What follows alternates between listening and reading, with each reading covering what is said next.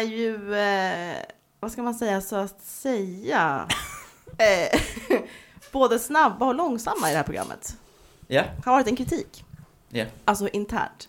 Hur vi responderar och liksom hur vi reagerar på vår omvärld. Och eh, idag ska vi delvis då prata om en film som inte hade premiär igår, om man säger så. Den är, det är en hot take på en två år gammal film. Men den är ny på... SVT Play, Ja, precis. Den finns för alla från och med kanske den här veckan. vi är så folkliga. Vi utgår Ja. bara från det folket kan Så- se. Det. Precis, men vi ska också prata om eh, VM i Qatar. Och det Mhm. är ju modernt. Eller Mm, Det modernt. pratade vi lite om förra gången. Ja, det var ju din, Det var min bubbling. det var din Du bubbling. var väldigt tydlig bubblare. Just det. Ja. Men det är för att vi också är snabba, inte Ja. bara långsamma. Men vi- då reagerar vi snabbt. Mm. Eh, och det, men vi ska kolla på VM i Qatar med våra glasögon som man säger. Mhm. Och vilka har då glasögon på sig? Ja, det är jag. Det är du Lukas. Det är bara jag som, Jag har linser. Farida, jag borde ha det är glasögon. bara jag som äger mitt Men handikapp. ni förstod väl att det var en bildligt att vi ska kolla på VM i Qatar med våra glasögon? Ja. Vårat paradigm. Nu dog Frida. Så det blir du och jag idag, Kerstin. Och hon har ingenting att säga. Nej. Nej. Nej. Men eh, känner du nöjd med upplägget, eh, Lukas, att vi tar ett, ett liksom, aktuellt take och ett dåtidstake? Yes, vi börjar med ett dåtidstake eller? Nej, vi börjar med det aktuella. Okej. Eh, följer ni fotbolls-VM? Eller får man fråga det eller? Jag eh, följer inte fotbolls-VM. Nej, jag har inte sett en... Skulle ni ha följt minut fotbolls-VM? för mina föräldrar såg jag. Är det liksom Alltså- ett aktivt politiskt ställningstagande? Nej men jag brukar kanske, alltså jag tittar väldigt sällan på sport. Men jag Mm. brukar titta på, eh, liksom när det är så VM, EM i fotboll, både herrar och damer. För då är det lite folkfest liksom.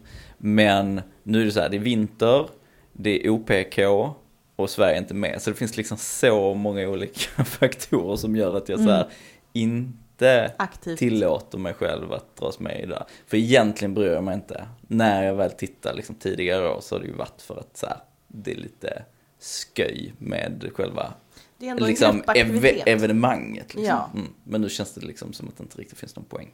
Alltså är det vart fjärde år? Det är, Ja. Eller vart, det är för vart Det fjärde var ett år, fjärde okej. så är det EM vart fjärde så går det lite omlott. Tror Är det så? Jag trodde det var Mm. Två, varannat. jag tror Ja. Eh, Eller jag kan ha fel, jag har ingen. Det jävla koll är egentligen. då och då. Mm. Men du har sett lite grann? Jag såg lite hos mina föräldrar. Mm. Eh, och så har jag...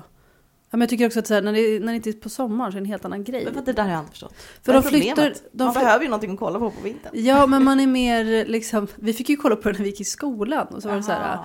Det var som att så här, sista veckan i skolan bara, ah, vi sätter på skärmen här och så får ni titta på VM. Eh, det var de tiderna. Det var innan, var innan Jan Björklund kom in och styrde upp skolan. och jag undrar varför jag får så låga poäng på På spåret. Liksom. Men, eh, vad skulle jag säga? Nej, men jag tycker att det finns en annan känsla. Man ses utomhus, går på liksom arenor och så. Det är ju kanske trevligt ifall man är i Qatar och det är lite varmare. Det är därför de också har valt att ändra på, på tiden. Liksom, för att Mm. det är just för varmt där på sommaren. Men eh, nej, jag är inte så intresserad just nu faktiskt. Inte alls. Men, Inte heller om Sverige skulle vara med tror jag faktiskt. Nej, för de är ju inte med. Nej men även som så här. Det var en öppen fråga. Ja, bra att vi ska kommentera det här som vi verkligen har på Men jag fötterna ska faktiskt ge er lite grann på fötter om Qatar, Ja. tänkte jag. Ja, För det är ändå lite int- intressant, det är ju, alltså om någon har missat det så är det ju, eller aktivt missat det kan man säga, Mm. så pågår ju då fotbolls-VM i Qatar för första gången någonsin i ett Mm. land i Mellanöstern och för första gången någonsin i ett muslimskt land. Någonsin, Mm. någonsin. Mm. Eh, och Qatar, har du någon koll eller? På Qatar, Ja. på Qatar, som de är Qatar. väldigt viktiga att de säger på P1. Jaha, de säger Qatar. Eller någon sån här... Säger de Qatar? Ja, eller Qatar? Qatar, Ja, alltså, jag precis. frågade Farida Sådär. hur det egentligen Mm. ska sägas. Mm. Det här landet är ju ungefär lika stort som Skåne. Mm, mm. Men Vad jag tycker det är sjukt att man säger alltid Skåne. Tyckte att det alltid är så. Så jag kollade upp det där. Det är nämligen också lika stort som Uppland och Härjedalen. Det- Skönt att vi har andra referensramar. ja, man liksom, jag tycker alltid så här bara, och det är nästan lika litet som Skåne. Det är för att Skåne kan man klippa av lite och då vet man att... Och det har en gång gjorts. Och vem är det som har liksom koll på upp, var går liksom gränserna för Ja, men det är Uppland? det. Liksom? Ja, men, Slussen, ja. Vi befinner så- oss i Uppland detta nu. Vi är på T-centralen. Och på från höger, vänster, söder, Härjedalen är lite lätt svårare att ringa in faktiskt. Exakt gränsdragningen, yttre gränsdragning. Ja. Mm, jag vet inte Vi ens var släpper det. Härjedalen ligger, ska jag veta. Det jag tänker i län. Men i alla fall, Qatar fick ju Jag har VM inga då. föreningar där. Så att, Mm, inte, nej. Nu släpper jag geografin. Eh, Qatar har fått VM. Och sen det här beslutet togs då så har det ju varit liksom, vad ska man säga, en... Eh, det har blåst på ledarsidor och i debatter. Mhm. Och bland liksom protest- alltså befolkningar har protesterat. Eh, och det här beslutet togs ju alltså i december 2010.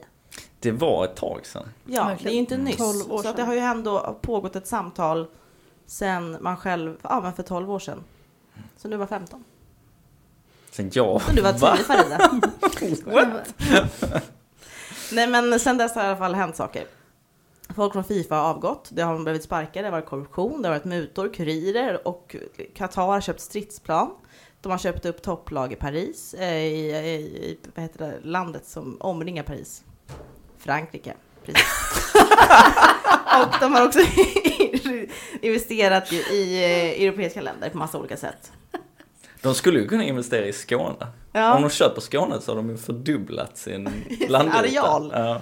Ja, men det, de äger säkert någonting där. Ja. Och sen har det också varit där som du framförallt tog upp förra veckan, är ju att det har varit, äh, förra gången, är ju att det har varit liksom bara själva bygget. Alltså om man tar bort Qatar, liksom landet Qatar aside, så har ju bara det här bygget av de här arenorna Mm. liksom eh, kostat väldigt många liv. Och man tänker väl, jag tror att jag har hört att man räknar lågt ändå och då får det till i alla fall över 6500 migrantarbetare då såklart, är det ju, Mm. som ska ha mist livet då. Men utöver allt det här pisset så kan man ju inte tänka att det är liksom först, det är inte första gången ett land som har demokratiproblem arrangerar en, ett sportevent. Nej. Jag tänker bara på, om ni har levt i år så kanske ni har hört om OS i Peking. Ja. Så Även, det- om, det även finns- om vi då enligt dig är cirka 22 år gamla eller sånt där.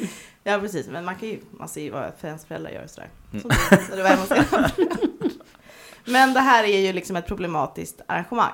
Men vi kanske, vi kommer ta, lägga allt det andra problematiska åt, åt sidan. Nej, vad tråkigt. Ja, Mhm. och prata om eh, alkoholen på det här eventet. Mm. På Öland. Eh, för vi ska kolla på det. Det är som att det har varit den sista svans som har kommit på hela liksom, samtalet kring Qatar. Där liksom, det var de sista brännande dagarna som det hände grejer. Mm.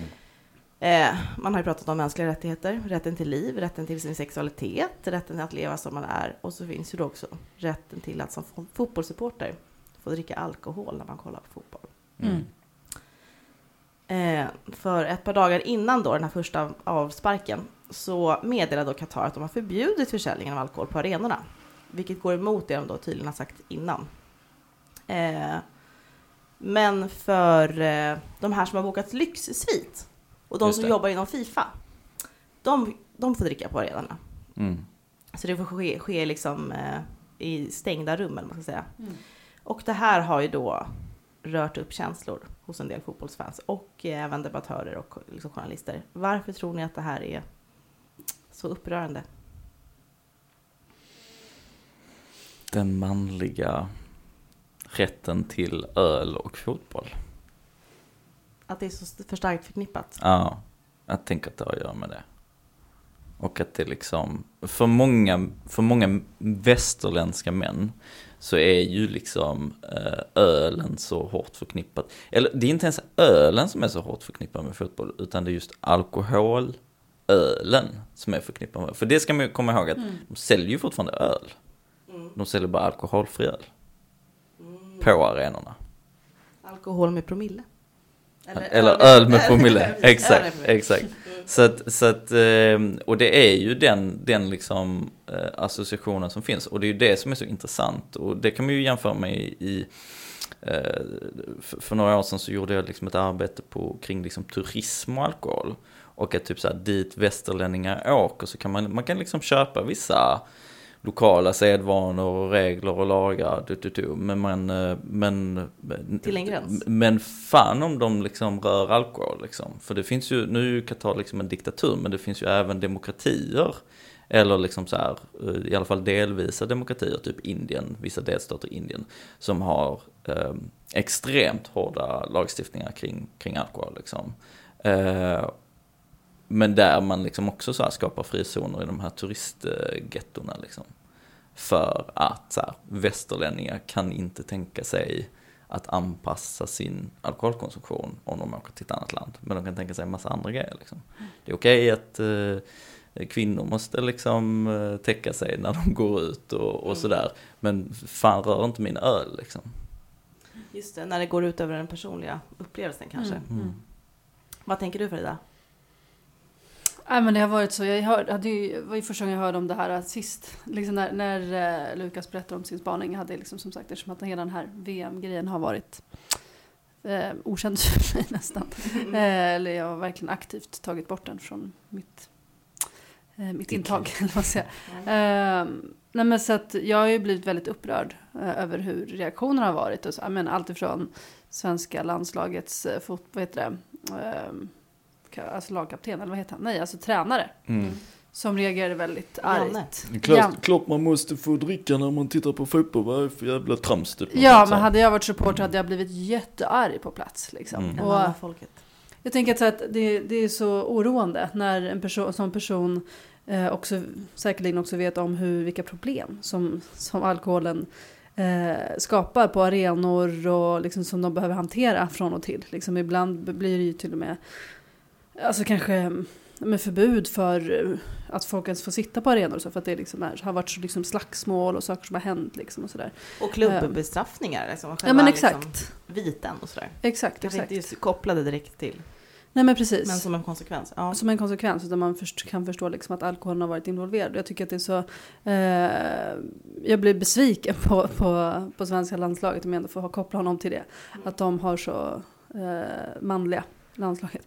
Eh, att de har så lite koll och tar så lite ansvar kring den här frågan. Liksom att den inte ses som, som någonting eh, ja, större. Liksom. Eh, och sen så tycker jag väl att, jag menar jag har sett på en del intervjuer från från folk, de försöker ju liksom, jag är också väldigt, alltså faktiskt väldigt besviken på den mediala bevakningen kring den här frågan. Hur de också har pratat kring det. Det har varit väldigt sådär eh, fokus på, men man, man nästan liksom lägger den här frågan i, i samma nivå som du sa. Skål, liksom. Ja, som att så här, ja de, de eh, diskriminerar homosexuella, liksom man får inte vara homosexuell i det här landet och dessutom får man inte dricka alkohol. Så här, I samma mening, som att det typ, är, s- liksom, problemet är lika stort. Liksom. Mm.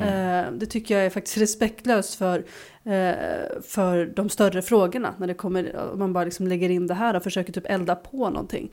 Ehm, och att, um, jag har sett så här inslag från typ eh, journalister som ska gå in och typ prata med folk. på Hur känner, känner du att du inte får dricka alkohol? Och, eh, att de eh, försöker hitta de här personerna som försöker smussla med alkohol. Att det liksom, ehm, det finns en noll kritik i det. Utan mer bara, nu ska vi försöka se ehm, hur folk har det och hur folk ehm, försöker komma runt den här regeln. Eh, och noll förståelse kring den på något sätt. Vilket jag tycker är väldigt, men jag tänker att det är, det Ja. är som du säger som att liksom, alkoholen har blivit typ en, vad ska man säga, en fond för liksom, det västerländska uttrycket över en rättighet. Liksom. Att det blir, okej det är där det blir kännbart att det, någonting kränks här liksom. Ja men exakt, i relation till annat. Men då, jag såg någon Expressen-artikel när någon journalist var inne i någon sån här fanzone. För där, Mm, för där får man ju då Där- sälja. exakt, där de säljer upp på vissa liksom, och efter en viss tid, efter klockan sju. Och då får man köpa max fyra öl, Precis. alkoholöl. Mm. Ehm, och bara så här, där de vill liksom verkligen filma folks reaktioner. Och folk så här, hur känns det? Det är jättekul! Äntligen! Mm. Eh, och folk som säger så här, men jag har åkt 15 timmar hit, jag har rätt till att dricka min öl. Och så bara, Också så här, vad är det för grupp som är där? Ja, men mycket män som är där som har åkt dit för att kolla på det här. Mm. Människor med pengar Mm. som också känner så här, du kan gå hem sen och dricka sjukt mycket. Eh, och då, ölen kostar också ganska mycket där. Liksom, i Ja, den verkar till- vara- den var ganska ja. dyr. Liksom. Ja. Ehm, så, och att liksom man pratar om alla de här lagren som är fulla med, eh, så här, vad ska vi göra av all öl nu liksom? Och att det finns ingen så här industri igen då, tänk kring att, menar på tal om det du sa Lukas, att så här, det här är någonting som många kopplar ihop med så här, öl och fotboll. Mm. Men det kommer ju inte av sig självt. Det är liksom någonting som har gjorts liksom under en väldigt lång tid. Det är inte som att man automatiskt tänkt, när vi spelar fotboll måste vi ju, eller liksom titta på det, måste vi ha öl. Från början. Det finns en anledning till att, fi, Jättemycket, att liksom. Fifa gentemot ett land, för det är också det som har hänt, att, om jag har förstått situationen korrekt, att Fifa har ju liksom tvingat Qatar in, tvingat och tvingat, men så här, skrivit ett avtal med Qatar om typ så här, ni måste servera alkohol, ni måste servera de här alkoholsorterna för att de får spons från så här st- stora, stora alkoholföretag, det, det, det. Och sen så har så här Qatar i eh, några dagar innan VM skulle kicka igång, bara så här, lämnat de här avtalen. Mm. För att det är ju internationella avtal, vilken domstol ska de ställas till rätta Ja, mot? Liksom? Alltså ska de dra dem till Haag? Det, jag, tror inte det, Ja. jag tror inte det kommer flyga. Nej. Så, att, så att det, det är liksom, eh, det, Fifa har ju tryckt på för att sälja alkohol. När Fifas egentliga intresse borde egentligen bara vara så här, vi ska se till att det blir matcher liksom. Mm. Eh, och sen så allt kring, runt omkring med restauranger och alkohol och hotell och sånt, det får väl liksom värdlandet eh, lösa kan man ju tänka. Mm. Nej, nej, nej, Fifa har ju aktivt tryckt på för att det ska liksom säljas alkohol på grund av att det är så mycket pengar i alkoholindustrin som trycker på. Mm. För att det finns så mycket pengar att tjäna på när Exakt. kopplingen mellan alkohol och fotboll är så stark. Bara dra en, en parallell till i min ungdom då. Mm. När jag var eh, strax, strax, Strax norr om 22 år som jag är nu, enligt Kerstin. Eh, så, eh, så, eh, eller strax söder om. Eh, så eh, var jag på en sån här stor internationell konferens som var så sponsrad av FN, som var så här, eh, ungdomar in i FN-processerna, bla bla bla, så här, allting är Mm. ganska tramsigt egentligen för att det är bara massa yta. Mm. Men då var det så här, då hade man samlat massa ungdomar där och du vet så här, det var alltid, det är alltid svårt med finansiering och sånt och så skulle man ha en, en eh, venue då för att liksom ha, ha en sån här typ kick-off typ. Mm. Eh, och då hade man gjort typ en deal med eh, den här venuen om att typ så här, ja ja men vi, ni får vara där gratis men alla måste köpa typ så här minst tre drinkar typ. Alkoholhaltiga drinkar typ. Mm. Eh, och då, då, så, då får ni vara gratis typ. Så då, de här Ta led... ditt personliga ansvar. Nej men precis, de här Mm. ledarna gick ju runt och typ så här hetsade folk till att dricka alkohol. Mm. Och det här var ju liksom så här ett internationellt sammanhang, ett FN-sammanhang, och då vet vi att majoriteten av jordens befolkning, vuxna befolkning, dricker inte alkohol. Mm. Och det är väldigt, väldigt tydligt kopplat till att så här, de som dricker alkohol, även inom länder, eh, eh, de har generellt sett så här, högre status, det är män, de är välutbildade, de är vita, det, det, det, Mm. alltså alla de här maktfaktorerna. Så här, ska man verkligen hårdra det så är det så här, det är svarta kvinnor, outbildade kvinnor i Afrika som inte dricker, och sen är det välutbildade män i väst, Mm. Vita män i väst som, som, som dricker liksom det är inte en slump att de här VIP-arenorna på, på fotbolls-VM, de ändå tillåter alkohol Mm. liksom, för att rika människor får alltid dricka av någon anledning. Så, här, så att det, var, det, är så, det, det är någon liksom kolonial grej i det också. Att typ så här, här var det ett antal då liksom personer som hade bjudit in till det här arrangemanget. Eh, hela världen skulle vara representerade. Och sen så är alkoholnormen så stark att man liksom så här, tvingar den på de fattiga marginaliserade liksom. Och sakta men säkert under den här veckan så kunde man också se, för det var liksom många sådana här arrangemang under den här veckan. Mm. Så såg man ju hur de här liksom delegaterna då från globala syd liksom bara pressades tillbaka och blev mer och mer marginaliserade i alla sammanhang och alla Mm. samtal. För de var liksom inte uppe på på kvällarna och, och liksom gick på de här venues där man hade gjort de- snacket där, man, skedde, där typ. snacket skedde. Mm. Nej. Ja, det har egentligen ingenting med fotbolls-VM att göra, men, men visar ändå på att liksom det finns en kolonial liksom, maktproblematik som fortfarande hänger kvar. Där alkohol fortfarande är till stor del en, en västerländsk institution. Eh, eller i alla fall inte är lika mycket en institution i stora delar av globala syd. Men liksom går det också att vrida på det perspektivet även här, att det finns en provokation i att, just som du säger, att det finns liksom de som får göra vad fan de vill, de som har pengar, de som är typ Mm. Fifa-representanter. Sen har vi det här mellanskiktet som ändå är kanske välbärgade, men kanske inte alltid, ja men mellanskiktet helt enkelt. De får plötsligt en liksom, en begränsning. Och sen Mm. har vi det här underskicket som är de som har byggt det och de, de har liksom inte ens en röst så att de Nej. skiter vi i överhuvudtaget. Får De de, eller vad fan dö i- dricker de? De ja. sitter väl och kollar på matchen på någon jävla Andra arenor som är så här gömda på andra ställen. Ja, men liksom, kanske inte i alla fall råd med en biljett, biljett Mm. liksom. Men alltså kanske finns det, jag tänker också bara så här rent ut att det här, det här liksom mellanlagret också får, är det, är det provocerande att det sker liksom, att det också är hierarkier där, liksom. Att, att det övre skiktet får göra vad de vill, liksom. Och då får man känna på det extra starkt, även Mm. fast man är en bemedlad person som har rest till ett annat land. Mm. Liksom. Det är kanske ovant för dem att så här, ja, känna på det egentligen. Mm. Känna ett Eh, övre tryck. Precis, Liksom. precis. Mm. Mm. Men det är ju kul det här som du tog upp med eh, vilka avtal det finns kring Fifa. För det är ju då att, vet ni vilket ölmärke det är som? Är det Budweiser? Budweiser, va? Det är Budweiser, precis. Mm. De har haft ett, eh, jag tror, ska vi se, sedan 1986 har de sponsrat VM. Det är ju väldigt kul med tanke på, är inte det en amerikansk öl som typ ingen i Europa tycker om? Ja, men jag har förstått som det. Jag kollade på deras Twitter nämligen. Har liksom Och aldrig sett den i svenska kontext Nej, någon och gång. det är fotbolls-VM är väl, men i och för sig, de försöker ju göra eh, fotboll större i USA ju. Men det finns en liten kul ändå så här, man pratar ju om, eh, de har ju alltså då ett sponsoravtal eh, och de har behövt flytta om, man flyttar öltälten från arenorna till utanför arenorna. Mm. Så de har behövt göra en liten rockad där. Eh, och sen vet jag inte, jag läste någonstans att det stod typ i The Times att de skulle liksom kunna stämma Fifa. Blir det då, för, ja, för det är Fifa man har avtal med. Mm. Men sen har jag liksom inte hört någon negativa, jag har liksom inte sett några negativa röster från Budweiser och, och sitt håll, utan man vill väl liksom bara tycka att det här är en, kanske inte Jolly då om det är ett amerikanskt märke, utan vad säger man då? Happy? Super happy Super fun times. Fun time. Men hur tänker ni kring sådana här sponsorsavtal med alkohol, alkoholindustrin just inom det här? Att de finns. Eller Ja, liksom. det finns. Nej, men det blir väl tydligare nu att de finns. Jag tror att folk kanske inte innan tidigare har förstått, liksom, när man har sett de här stora, ehm, kanske inte tänker att nej, men det, är väl nå- det säljs öl på plats. Och bara, nej, det säljs en väldigt specifik öl för en väldigt specifikt företag har gått in med pengar här. Liksom. Mm. Så det, det är ingen slump. Och när det är saker och ting då, när det sker, när det är lite så här, ehm, sten, i mas- sten i maskineriet, eller vad man ska Grus säga grus, eh, så, så märks sånt här. Liksom. Ehm, och, att, men, och det är ju inte bara i Fifa som det händer. Jag tycker att det kanske är bra att liksom lyfta upp att det, det händer i, eh, även liksom i, eh, vad heter den här liksom, kuppen i Europa som, som spelas?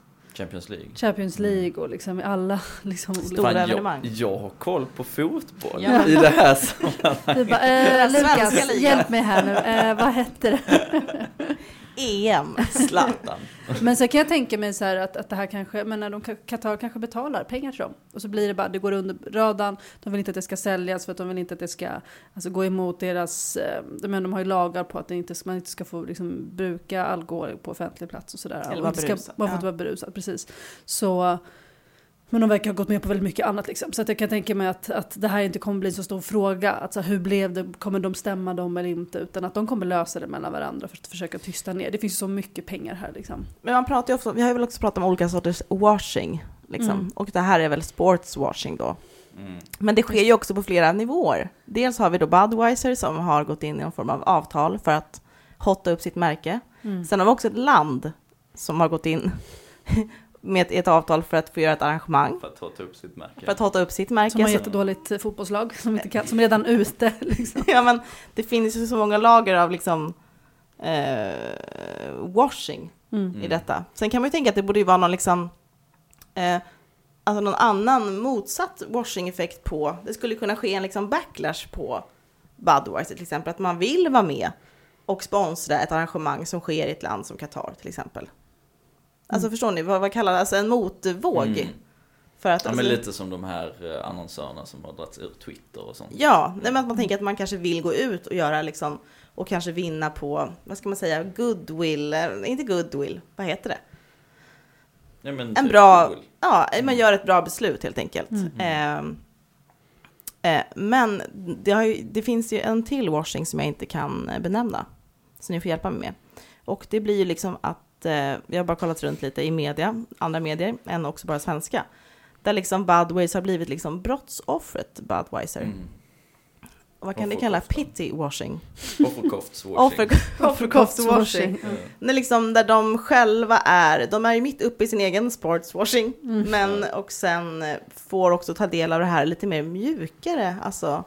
Och det här, alltså det här, trots att de då blivit liksom nekade sitt tillstånd så har ju Mm. Budweiser tjänat så enormt mycket på det här. Mm. Ja. För att det har blivit sån snackis, deras varumärke och deras avtal har liksom kommit i fokus. Man snackar jättemycket om Budweiser liksom, specifikt, inte bara om öl. Vi har sagt det Nej. tio Och- gånger redan nu i den här podden. exakt, exakt. Ja, B-ordet. Och ehm, de har ju också, de har ju också spelat det smart att det är så här, för, för, för de har, det, har ju dykt upp så här bilder på typ Budweisers lagerlokaler med så här, Mm. eh, pallar efter pallar med, med liksom öl som bara står och eh, inte kommer bli uppdrucken nu liksom. Mm. Eh, och eh, det kommer ju, alltså, den kommer ju inte ta vägen någonstans. för De har ju det som att- ett fastnålat eh, inlägg här nu.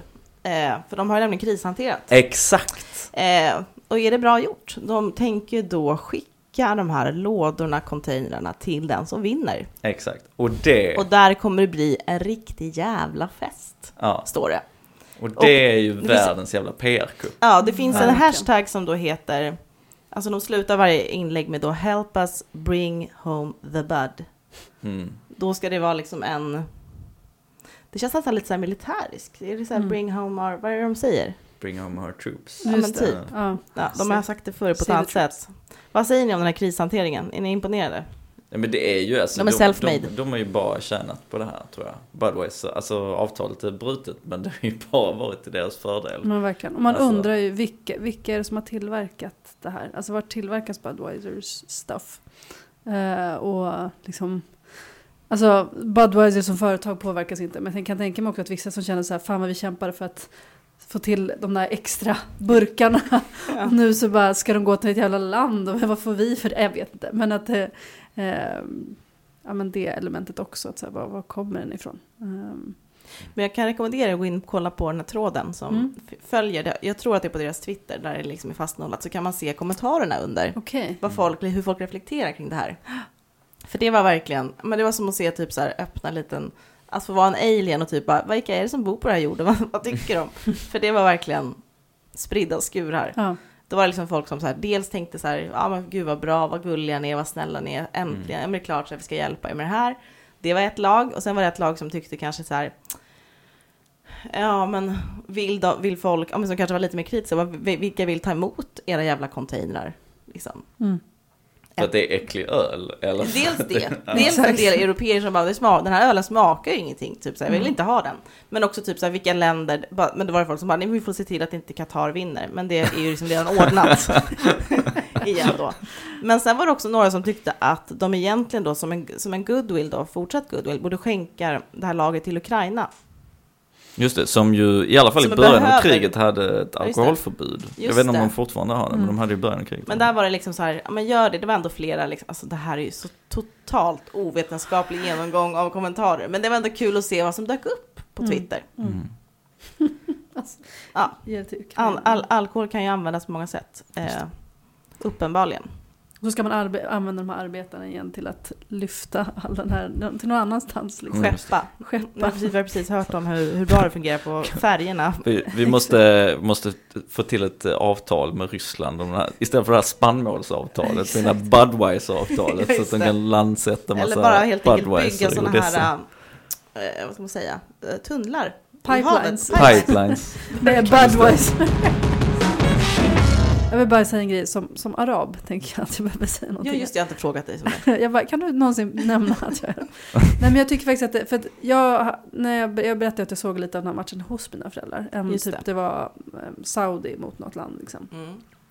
Eh, jag tänker inte outa mina föräldrar för mycket i det här. Men att eh, jag tror att, liksom att folk också ser på det här VMet på olika sätt med olika glasögon beroende på vart man kommer ifrån. Mm. Alltså här pratar man till exempel, det fanns ju ett tal som den här eh, som var 70 minuter långt som chefen för Fifa höll där han liksom pratade om, han pratade om att så han bara eh, Today I feel African. Today I feel um, eh, like a homosexual. Today I feel. Och så här pratade om hur eh, om kol- kolonialism, på tal om det, liksom, att så här, Mm. vi- måste betala för de här liksom, åren av eh, allt förtryck som vi har gjort och all liksom, islamofobi och allt, jag vet inte vad. Ehm, och som här har hånat så bara gud vad han liksom slickar över eller vad gör han för någonting, vad, vad Mm. försöker han göra med det här liksom. Hos, Men, mina, hos mina föräldrar, de bara hörde du hans tal? Det var fantastiskt, ingen i arabvärlden skulle kunna säga det här. Alltså hör du vad han säger? Liksom, Mm. att, och jag tycker att man ska ändå respektera att många liksom ändå, det som lyfts upp där, sen med vilka... I vilken kontext? Ja, mina föräldrar fattar också att så här, han är ju köpt och han har intressen och alltihopa liksom. Mm. Men att det ens sägs, oavsett var pengarna kommer ifrån, Mm. kan för många vara väldigt viktigt. Att så här, det här nämns, ingen nämner det här. Att, att vi, vi har ett förtryck och så, man kan ju tycka att så här, gud, de här, man kan tycka vad man vill om Saudi eller att man då hejar på de arablagen. Men att det har ju inte funnits och finns ju ett enormt förtryck mot de här länderna. Liksom. Eller mot eh, kulturen och, och eh, religionen och så. Ehm, och också att som mina föräldrar själva nämnde att så här, men det finns ju begränsningar också i Storbritannien kring alkohol. Varför pratar man inte om det liksom? Eller när det kommer till matcher där så får man ju inte sälja ehm, alkohol efter en viss tid. Eller liksom finns det ändå begränsningar för att inte liksom, få, Mm. få upp det där. Eh, och då pratar de om, det är som att de bara försöker lyfta upp att men det är bara i arabvärlden man har begränsningar, ingen annan har begränsningar, det är ingen annan förstår konsekvenserna. Och bara, jo, det verkar de andra göra, och, men de ser inte det som någonting negativt. Liksom. Um, så jag tycker att det, det hade varit intressant att höra liksom, perspektiv från andra, vi får ju inte de nyheterna från liksom, uh, arabvärldens nyheter eller sådär, hur, hur de ser på, på allt som händer där. Liksom. Eller också utifrån det, det som du lyfte upp i början, det här med arbetarna. Liksom. Min pappa var så här, ja okej, det är många arbetare som har dött, och jag bara nej, säg inte män. Och- Men så här, det är supermånga, men folk dör ju också i andra länder, liksom, varför, alltså typ utifrån så här, arbetare i Sverige och liksom vilka förhållanden det finns här. Man försöker bara tysta, liksom, som att alla andra länder har jättebra arbetsförhållanden för deras. Det är ju alltid liksom, de lägsta i samhället, eller som kommer från andra länder, som är de som jobbar liksom, Mm. i det landet. Jag menar, I Sverige, vilka är det som byggde liksom, Karolinska? Det är liksom folk från Ukraina. Liksom, det, är inte så här, det är inte så många Swedes som har varit där och, och byggt upp det. eh, Och så, byggbranschen ser ju ut så. Liksom, vi är beroende av lågbetalda arbete från andra länder. Ehm, och där, alltså jag tror att det, liksom den diskussionen, både liksom alkoholperspektivet men också hela ehm, det koloniala perspektivet Mm. hoppas jag ändå att det liksom hålls igång. För nu är det väldigt mycket fokus ändå på så här, hur kan vi ens titta på det här, vad är det här för, som sagt jag är ändå inte intresserad av det. Mm. Men att bara, är vi konsekventa i vår kritik? Liksom? Är det bara för att det har blivit en så här stor mobb kring att man ska hata på, Men det blir väl Qatar, väldigt liksom. så här, om man har, eh, om man har ett, ett av få evenemang som samlar stora delar av världen. Alltså det, man kan ju jämföra med liksom Mello i Europa eller någonting. Alltså det, finns liksom, det är väldigt sällan det finns någonting som samlar alla som inte har med egentligen någonting och inga andra övriga liksom frågor att göra Ja, egentligen. men exakt, exakt. Då blir det ju ganska naturligt en blick på det. Vad sker det? Vad finns där? Vad har hänt där? Ja, liksom. Peking eller hur det var i Ryssland när det var, när det var OS där. Eller var det inte OS eller var det för några år sedan? Jo, i Sochi. I Sochi Mm. precis och så. Så det, liksom, det, det, Så det, skapar ju- också, det hjälper ju till att liksom sätta ett extra ljus någonstans. Ja, precis. Det, det finns ju en, ett forum för liksom, ett samtal där ändå, som Absolut. kanske inte är konstigt att det sker heller. Liksom. Ja. Vi ska gå från, eh, ja, vi hörde någon som beskrev det här VMet som den största kulturyttringen Mm. i världen. Mm. För fotboll är ändå kultur, men dans är inte sport. Det är två saker som är svårt att hålla i huvudet samtidigt, som gammal dansare. Eh, men vi ska prata om en annan kulturyttring, nämligen film. Vi har ju sett eh, den här filmen då som inte hade premiär igår, eh, utan eh, som har haft premiär på SVT Play. Vi har ju det som regel när vi pratar om kultur, att det ska finnas tillgängligt för alla. Det ska finnas, vi pratar bara, kultur är det som är på public service. Exakt. Finns public service eller YouTube. Totalt hjärntvättade. eh, nej men det är ju den här filmen En runda till, eller Druck. Hur uttalas den? Druck? Va, vad är det här för rasistiskt påhopp? Hon tittar på mig, Ja men du har ju innan sändningen så att säga briljerat med din danska. min låtsasdanska. Ja. Mm. Hur säger man druck? Tror jag vet inte. Dryck. Eh, den heter i alla fall, den är coolare på, det är lite coolare ord på dans, namn på danska tror jag. Men jag tror att en runda till kommer så att den kan på engelska heter another round. Mm. Alltså, och då har Mm. man tänkt i Sverige att vi gör som dem. Mm.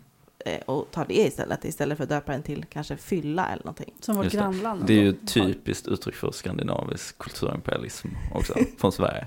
Hur gjorde de andra där borta i USA? Just Så gör vi. Så, För det är också en exakt. svensk film. Det är ju lite konstigt att den, det är ändå svenskar som har varit en del av den. Liksom. Ja, men det är ändå en dansk regissör. Det är en dansk regissör, men det är Ja. liksom en, den, den skrivs ju som en så här svensk eh, dansk Jaha, film. men den var en svensk Den är finansierad. Ja. liksom också. så. Ah, Men det där Det tycker var jag... därför de slängde in en svensk skådis. Ja men precis, för det tycker jag, för det är ganska vanligt Som att är man här- Pippi liksom. Ja men precis, i så här norsk, eller kanske inte, ja, men i så här norska produktioner och danska produktioner så är det ganska vanligt att det finns så här någon svensk karaktär Ja, som är med liksom. Ja. Men det är typ aldrig, förutom de här gamla som har typ så här fått stöd från Västtyskland, Ja, och som, har en tysk Kling karaktär. och Som, klang, man bara, vad gör ja, som de sen dubbar liksom på svenska. Men, men det är typ väldigt sällan i svenska produktioner som man har så här en dansk eller Men för norsk språkörat karaktär, blir det liksom. ju lite jobbigt ibland att hoppa mellan danska och svenska. Det är ju en kvinna då, Maria Bonnevie, Ja. är med i den här filmen och eh, pratar ju då svenska såklart, delvis. Hur som helst, har ni upplevt, eh, vi ska prata om filmen också, vi ska inte prata om hur saker man har upplevt, men har ni upplevt att det här är en film som folk till er då som är nyktra, är intresserade av alkoholfrågor, olika liksom, strukturella frågor, säger så här, har du sett den? Har du sett den där? Du borde se den där. Har ni fått Mm. en sådana? Jag tror jag har fått det kanske en gång. Okej. Mm. Och det kanske du har fått om andra filmer också? Ah. Ja. har du?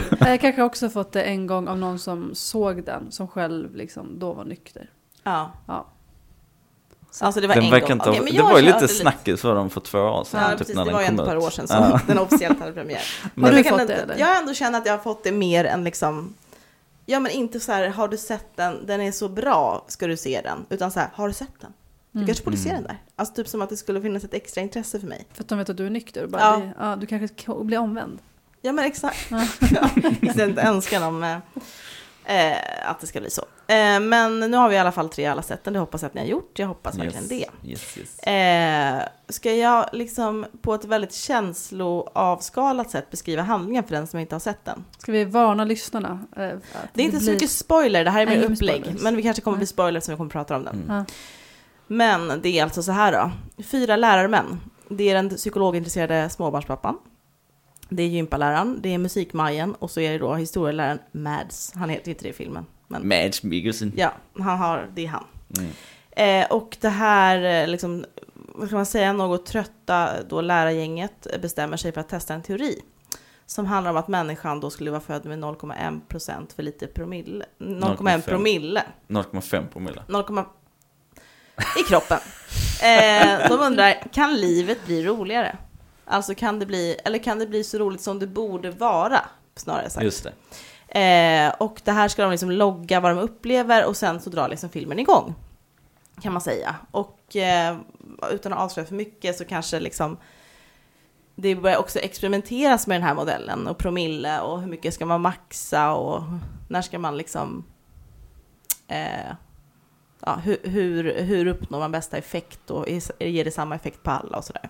Just det, när blir det för mycket? Precis, och när blir det för lite? Mm. Vad, vad, alltså bara från början, vad tyckte ni, vad tyckte ni om filmen?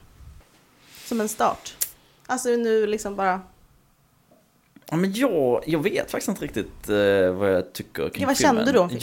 Jag, det jag kanske framförallt tog, tog med mig från filmen var eh, hur mycket eh, dansk körsång man blev utsatt för. Och, och ofta ganska så här nationalistiska låtar också. Och också hur kör och danska inte funkar Nej, ihop. exakt. snälla exakt, jag blev exakt. jätteberörd. Okej, kul för dig. mm. Mm, det var mycket körsång i alla Mm. fall. Mm. Ja, det rekommenderar Ja. på danska. Nej, men eh, jag har lite svårt, det, det, liksom, det kändes, utan att avslöja slutet då, men, men det kändes lite som så här, när jag, när jag hade sett färdigt den, att det var liksom tomt. Mm. Att det var så här, vad ville de säga egentligen? Mm. Det känns som att det liksom inte kom någon, liksom, och det behöver inte alla filmer ha. Det är inte så att alla filmer måste ha en sensmoral, bla bla bla liksom. Mm. Men, men, eh, men det kändes så här, typ, när jag, liksom sista scenen var slut så kände jag så här, Vad var Jaha, det vad, vad är deras poäng? Mm. Vad var det de kom fram till Mm. liksom? Mm. För det kändes inte som att de kom fram till varken eller på något sätt. Liksom. Men det tycker jag är min favoritkänsla. Mhm. För mig i alla fall. det- När du ser filmer generellt liksom. Ja. ja. Jag tycker det är skönt att inte förstå, eller inte förstå, jag menar inte typ sådär komplicerade liksom, hur var det här, Var, varför, hur blev det? Utan det var ändå liksom en handling som man förstod, man förstod ju, Mm. det var inte som att man bara, vem var mördaren? Eh, Då, då Mm. kan jag känna så här, det här var inte bra. Men det här var ändå liksom ett känslomässigt tomrum, man ska Mm. säga. Och det tycker jag är väldigt, jag gillar det. Det kanske öppnar lite för egna tolkningar och egen, liksom, att man kan lägga in sina egna känslor. Att barnfilm har ju lite mer så att så här, och då så hittar den sin mamma igen och alla lever lyckliga sina dagar. Så, så zoomar man, ut och så bara, Mm. är det bara blommor och kvitter liksom. Också trevligt slut. Också trevligt Ja. slut. Jag Eh, gillar inte på det. Men det är, jag tyckte att det liksom var, jag hade lite samma känsla som du Lukas. Och att, att jag, tro, jag trodde inte att det var så det skulle sluta. Eh, Men är det inte för att man vill liksom, jag, jag funderar på, är det här egentligen en film om alkohol? Alltså det är väl det som är Mm. så här, eller är det egentligen bara en, det är typ en scenografi för vänskap, för längtan, för ensamhet, för typ livskris, för tristess, för... Absolut. För Det får bara- manlig medelålder. typ. Ja men den får Mm. bara vara så här, den är bara ett, den är kanske inte ens ett medel, den är, råkar bara vara någonting som ramlar över som alltså det Mm. känns som att de här killarna skulle lika gärna kunna Alltså sen, sen såklart det här lagret av alkohol över hela den här filmen är ju så här, berättar ju mycket så här, okej, vad är det för samhälle vi lever i? Vad, vad ser vi som roligt? Vad ser vi som typ skapar det här mellanrummet som kanske kan vara någonting annat? Men de skulle ju lika gärna säga, ska vi bestämma oss? Alltså det här, det skulle aldrig hända i den här filmen eftersom den är dansk och gjord på det sättet. Men så här, de skulle lika gärna komma, komma överens om en annan metod för att förändra sitt liv. Exakt. Mm. Ska vi, komma, över- ska vi liksom börja meditera och stå på huvudet 20 minuter varje dag och kolla vad det ger oss? Och, så här, och med det sättet, så bör, för de, det som händer i den här filmen är att de börjar ju blomstra Mm. Och känner liksom någon form av livsglädje, till, i alla fall till en inledning och liksom Mm. såklart med massa problem och större och mindre problem. Mm. Och, eh, men, men det känns ju som att alkoholen är ju liksom, det är, det är, det är ju inte en film om så här, åh, hur, hur ska vi göra med det här drickandet i det här landet? Alltså det handlar ju mer om så här, hur, hur, hur är det att leva som människa i, i Danmark? Liksom, eller exakt. vad är en man? och det var väl, jag hade lite svårt också att köpa premissen av den anledningen. Okej, För att jag ja. hade liksom lite svårt att typ så här, eh, vilket de i och för sig också betonar. De betonar ju lite så här typ, Mats Mikkelsen, han har ju liksom, han dricker ju inte på helgerna då, utan han dricker bara på vardagarna. Ja, just det. Och han, han betonar ju också det, typ så här, jag har också börjat leva upp på helgerna. ja, just det, Mm. mitt För nyktra tillstånd. Precis, liksom. för att det är liksom, han har ju liksom, det- det handlar väl kanske mer om att han så här, Mindsetet liksom. slått om i mindsetet Mm. än att alkoholen faktiskt gör någonting. Mm. Och det, för det är väl lite det som är min, så här, jag har faktiskt väldigt svårt att tänka mig att om du har 0,5 promille i blodet att du eh, faktiskt liksom lever ut på det sättet som de gör i filmerna bara på grund av alkoholen i sig. Nej, nej men det är Eh, och väl hela... framförallt inte typ så här, det finns någon scen där han har typ så här, jag tror det är strax över en promille. Mm. Och då är man ju, då är ganska ordentligt berusad. Ja, man börjar liksom. skada sig. Ja, som, som han blir eh, liksom så här, en riktig jävla stjärnlärare liksom. Och blir Nej, så här, briljerar, su- briljerar i klassrummet och liksom. Tar in intryck, Ja, läser av liksom. För, för det är ju liksom ett Mm. av, han är ju liksom superdeppig i början och en dålig lärare och har inget självförtroende och dålig, liksom Mm. dålig på allt och jättedeppig och sådär. Och så bara går han in och är värsta rockstjärnan i klassrummet för att han är typ ganska dyngrak Ja. liksom. Och jag har bara så svårt att köpa den premissen för att min bild är väl snarare typ så att ja, fulla människor kan eh, kan själva tycka att de är liksom briljanta men och, är och kanske tillsammans med andra fulla människor. Mm. Men sätter man en full människa isolerat i ett rum, och nu pratar vi alltså om någon som är riktigt full, liksom, Mm. eh, över en promille, då, då, blir de, då, då, då är de sällan briljanta för någon annan än de själva. Liksom. Exakt. Så att det är liksom ganska svårt att köpa premissen. Jag, jag kan absolut köpa premissen att så här, alkohol kan användas som ett fordon för att liksom så här ändra ett mindset. Mm. Men det är ju mindsetet i sig som, som är det som förändrar ens liv och inställning, inte liksom vad alkoholen i, i sig har för fysiologisk inverkan. Liksom. Nej men jag tänker också det. Jag tänker att, så här att för det första får vi komma ihåg att det här är inte en dokumentär. Mm. Så vi vet ju inte hur det verkligen skulle ha varit. Mm. Vi kan ju testa, vi återkommer. vi hörs om en vecka. Julen, ja. Då vi har 0,5 promille när vi poddar. Mm. Nej men jag tänker att så här, dels så, så det det också visar att så här, okay, när man gör någonting annorlunda också. Mm. Och som kanske är lite spännande. Vad kan hända? Alltså så här, de, de, de behöver ju gömma det här för liksom sin familj eller för skolan och personalen. Och, eh, de- gör någonting som är lite skojigt och ska så här, följa upp någonting. Bara det måste ju vara lite sådär, sätta liv i en lite grann. Eh, och att, och det, som du sa, det skulle kunna vara liksom lite vad som helst kanske. Att, Du så här, behövde en katalysator. Ja men exakt, Ja. typ ta på dig din tröja fram och bak och se vad som händer. Eller så här. Oj, oj, oj, crazy, crazy, Nej, men jag vet crazy! inte, jag vet inte. Det är verkligen, I'm going wild here. men alltså, Men det är förbjudet, det är ju någonting med att det är förbjudet. det är förbjudet så det finns ju också Mm. liksom som ett element. Och sen så visar de ändå också, så här, ska inte heller berätta slutet, liksom, men att det funkar ju inte i längden. Liksom. nej, nej, Eh, inte för någon egentligen. inte för någon i längden. Liksom, att, och det är väl det som, som, som sagt, det är inte en dokumentär för att det är ju också få som bara, men låt oss hålla oss på den här nivån och så bara, gör vi det hela tiden och så blir det bra. Och sen finns det liksom ingen så här aspekt kring de hälso, hälsofarorna, liksom, utan det här Mm. handlar ju bara om så här, på kort tid, vad Kicken, händer? Liksom. Ja. Exakt. Eh, sen tycker jag dock en annan grej som är intressant, är ju, som jag reagerar på ganska snabbt i filmen, ganska tidigt, är att de har ju också en annan åldersgräns i, i Danmark. Ja. Man är, kan vara 16 år, alltså gå på gymnasiet och, och liksom få dricka alkohol. Och bara, det kom lite som en chock för mig. Bara just det, de, de dricker liksom och det är helt okej. De kan ju prata om det så här.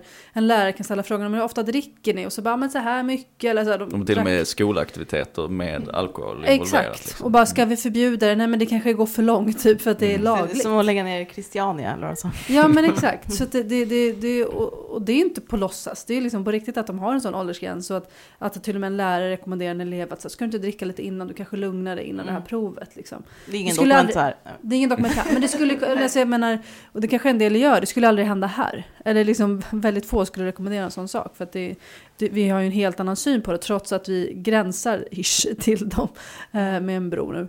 Eh, så har vi en helt annan syn på det. Och det tycker jag liksom är, eh, även fast det är en svensk-dansk film, så Men- är den ju väldigt inte svensk. Men den enda svenska karaktären som är ju Mads Mikkelsens fru då. Ja. Eh, Maria Barnevi. Ma- ma- Maria Barnevi. Maria, Maria Som är tillsammans med en Bonnevie. norsk. Jaha, oj, väldigt, väldigt skandinaviskt. Men i alla fall, eh, hon säger ju också det, vilket är väldigt roligt. Eh, så här, ja, folk dricker ju som svin i det här landet. eller Exakt, någonting sånt där exakt. liksom, säger hon i en sån här för, förbifart. Precis, som reagerar själv på hur Ja. sjukt det är. Ja. Men eh, tycker inte ni också att den här, alltså, he- eh, set aside alla känslor som den här väcker, att liksom titeln är lite, alltså på den svenska titeln, kan ge förväntningar av att det är liksom en, en American Pie-film på något sätt. Mm. Mhm. Alltså att det finns, det finns något så här lite spexig, den, det finns ju inget spexigt med serien tycker jag. Alltså det finns ju liksom ingen... Den är ju liksom inte rolig på ett sätt som upplevs som en komedi eller liksom. Den kanske Filmen. Har, ja, den här filmen. Den har ju liksom inte roliga inslag på det sättet. Även fast Nej. man kan liksom bli underhållen av den. Eller liksom, den är ju det är en ganska tung film. Jag trodde inte att den skulle vara så. Alltså utifrån tänker jag också bara affisch och sådana saker. Det är liksom, Mm. För affischen kommer från sista scenen. Eh, Ja, just det. Alltså det är lite man clean ser, liksom. Ja. Så att jag hade ju bara sett, jag har inte sett någon trailer eller någonting. Så för mig så var det också bara, oj det här är liksom en, en, en film ändå lite om relationer och där det är väldigt mycket närbild på skådisarna och mycket deras känsloyttringar och hur de förändras och, och man får komma väldigt nära dem. Det, det, det trodde inte jag att det skulle handla om, att den skulle vara så mörk och så, så nära. Mm. Eh, mm. Nej, det är ju verkligen, det är ju någon form av, ehm, det är ju, nej, det är ju en drama. Det är ju, det är ju någon form av coming of age-film för medelålders män. film. Exakt, det är alltså en dansfilm. Det är europeisk, som man brukar säga. Eh, nej, men jag tycker man ska bara tänka, försöka liksom ändå, utöver att man, jag egentligen och kanske som även ni då inte tänker att det handlar, det här är liksom inte en film om alkoholens roll eller vad den liksom kan ge oss eller inte ge oss. Så är det ju ändå ganska så brutal film om hur jävla pissigt det kan gå för folk. Mm. Alltså för att det finns ju en, en eh, får man säga vad som händer eller? Ja, Ja. Spoilervarning! Kolla, pausa i en tre Den minuter. finns ju tillgänglig. Ja, precis. Se inte slutet först bara, men... man får inte, man har, är den två år gammal film så får man fan ha sett den vid det här laget. Precis, det är snacka om dagar Titanic, sedan. bara sjunker båten. Vi får inte, kan inte berätta, vi kan inte berätta. Men det finns ju en av de här männen som dör. Ja, Och, alltså, och jag tyckte det var så... Jag vet inte, det, det, finns, det fanns ju något brutalt över det. Men det kanske också vi också är så här anhörig liksom till folk också som har gått bort av Mm. alkoholanledningen. Liksom, så här, att det blir så brutalt att bara okej, det här kommer kosta det här kommer kosta en del, typ att vi håller på så här. Och det kanske till och med är någonting som vi räknar med. Ja. Mm. Alltså för att många, de är ju, de är ju väldigt nära varandra de här männen, men de vänder också varandra ryggen liksom. Mm. Mm. Det är ingen som försäkrar sig, bara är ni med, är ni med på tåget, hur har du det, kommer vi? Det är ju mycket så här, bara, vi hörs väl, eller kommer vi höras? Typ så här. Men det är ingen som har kollat upp den här, en av de här personerna då som verkar bara ha försvunnit i princip. Mm. Jag tänker lite på Och försvinner själv med, flit, med flit liksom. Ja. Nej, jag tänker på ett samtal vi Det är så brutalt. Ja. Ja, men jag håller med, det är verkligen. Och, men också att hur de inte typ, för jag blev lite chockad över hur, hur de inte typ tog ansvar om man säger så. Eller som att inte, vi hade ett samtal förra veckan på um, Narkotikapolitiskt center om um, eh, narkotikans barnsoldater.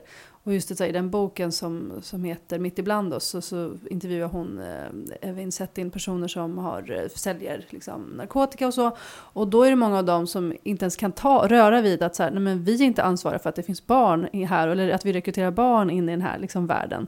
Vi har noll ansvar i det. Och så här, liksom att man bara, det finns kanske en skam i det. Och så här, samma sak tycker jag i den här filmen att det var, vilken lång parallell, men ändå att, att så här, det kommer inte ens upp som en fråga, bara, vad har vi för roll i det här? Speciellt också kopplat till slutet, att bara så här, wow, livet är härligt. Liksom Men det är det som, det, det, är blir det som skär i en ju. Det är det som jag tycker är kul med film. Ja. Alltså det blir jobbigt att se att de Mm. har en fantastisk stund. Ja, Det, för det ser inte ut som att det- han försöker väl hämta hem sitt liv, den som har en fantastisk stund. ja men Mm. Men man fattar ju inte hur det kommer gå, Nej. eftersom han uppenbarligen verkligen har vilja supa igen. typ, ja men liksom. exakt, exakt. För man tror ju bara, nu ska de ta avstånd, nu ska de typ pausa från alkohol och massa Ja, men det är inte så enkelt bara, liksom. Nej, precis. Ehm, Ja, för det skulle man nästan vilja gräva lite mer i. Typ så här, Mm. För att för mig är det ganska uppenbart att de tre andra som överlever, de har ju en skuld Mm. i den fjärde personens liksom, Död. död. ja. Ja. För att de möjliggjorde liksom den,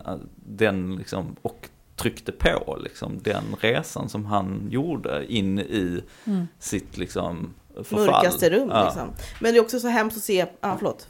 Nej och jag Mm. var faktiskt lite, jag satt liksom typ hela filmen för att man, man kunde ju på något sätt ana, eller man visste ju så här typ att så här, ja först så kommer det vara typ bra och mysigt och sen så kommer det liksom gå åt helvete. Mm. Det var, det var liksom, Du det, tänkte ändå så, jag var, det- jag var helt Det, det, det, det, det, en dramatisk bana som ja en men det, det brukar ingick väl ändå typ i premissen på något Ja. sätt. Ja. Ehm, så, att, så att jag satt typ halva filmen och bara tänkte så här, nej men de kommer inte döda någon. Nej. För det, det, känns liksom, det, det känns nästan liksom för, alltså jag jobbar ju själv med de här frågorna så jag vet ju att da, dagligen dör ju människor av alkohol och Mm. det är ju en, hela problemet kring alkohol är ju att samhället och individerna som utgör samhället inte fattar vidden av problemet, Mm. skulle jag säga. Mm. Men att det ändå typ i filmen kändes som att det var så här, det blir liksom lite så här, nej men kommer de verkligen skriva oss på näsan så mycket och döda en karaktär Mm. som konsekvens? Att det känns liksom too much.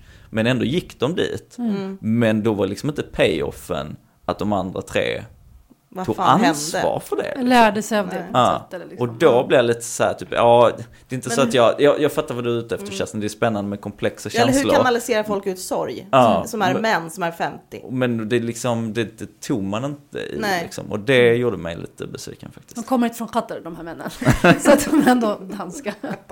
Men vi får skriva en sån här fan... Eh, vad heter det? Sequel. Fanbrev. Ja, Just det, eller vi får göra en, en sån här att man... Sequel, Ja. ja just det. Vad det? Vad hände sen? Jo, de startade en grupp, tre pappor. just det. Alla var inte pappor. Hörni, nu är det dags för Bubbel. veckans bubbel. Jag börjar. Jag tänker ju på tider som dessa, jul och så vidare. Alltså hur viktigt det är med egna traditioner. Mhm. Det tycker jag man ska prata lite mer om. Och kanske också ta ansvar över. Det har ju, ni har ju varit inne på det förut. Du var inne på det typ med nyår. Ja, kanske. Folk pratar alltid så här, vad händer på nyår? Just det. Ja. Det är en typ en förbjuden fråga i år då. Man ska säga, vad, vad ska jag ordna på Mm. nyår? Men jag tänker också så här, Mm. för att hänga upp tid. Alltså det jag pratade, jag tänkte väldigt mycket på det för typ tio år sedan. För då Mm. var någon kompis till mig som sa, jag tror att vi behöver typ, vi kanske behöver ta liksom ansvar över typ påsken själva nu när våra föräldrar inte gör det. Eller vad som helst, vad, fan, vad det nu var för högtid. Mm. Eller en egen högtid, eller vad, vad det nu kan vara. Mm. För att man behöver liksom, man behöver dagar att liksom hänga upp sitt liv på. Man behöver liksom kroka fast. För att i dåtid sen kunna se tillbaka att så här, aha, men det var ju det året Lukas och du och jag gjorde en liten Islandsweekend på, på påsk. Det skulle ju verkligen kunna hända. Absolut. Var den inbjuden?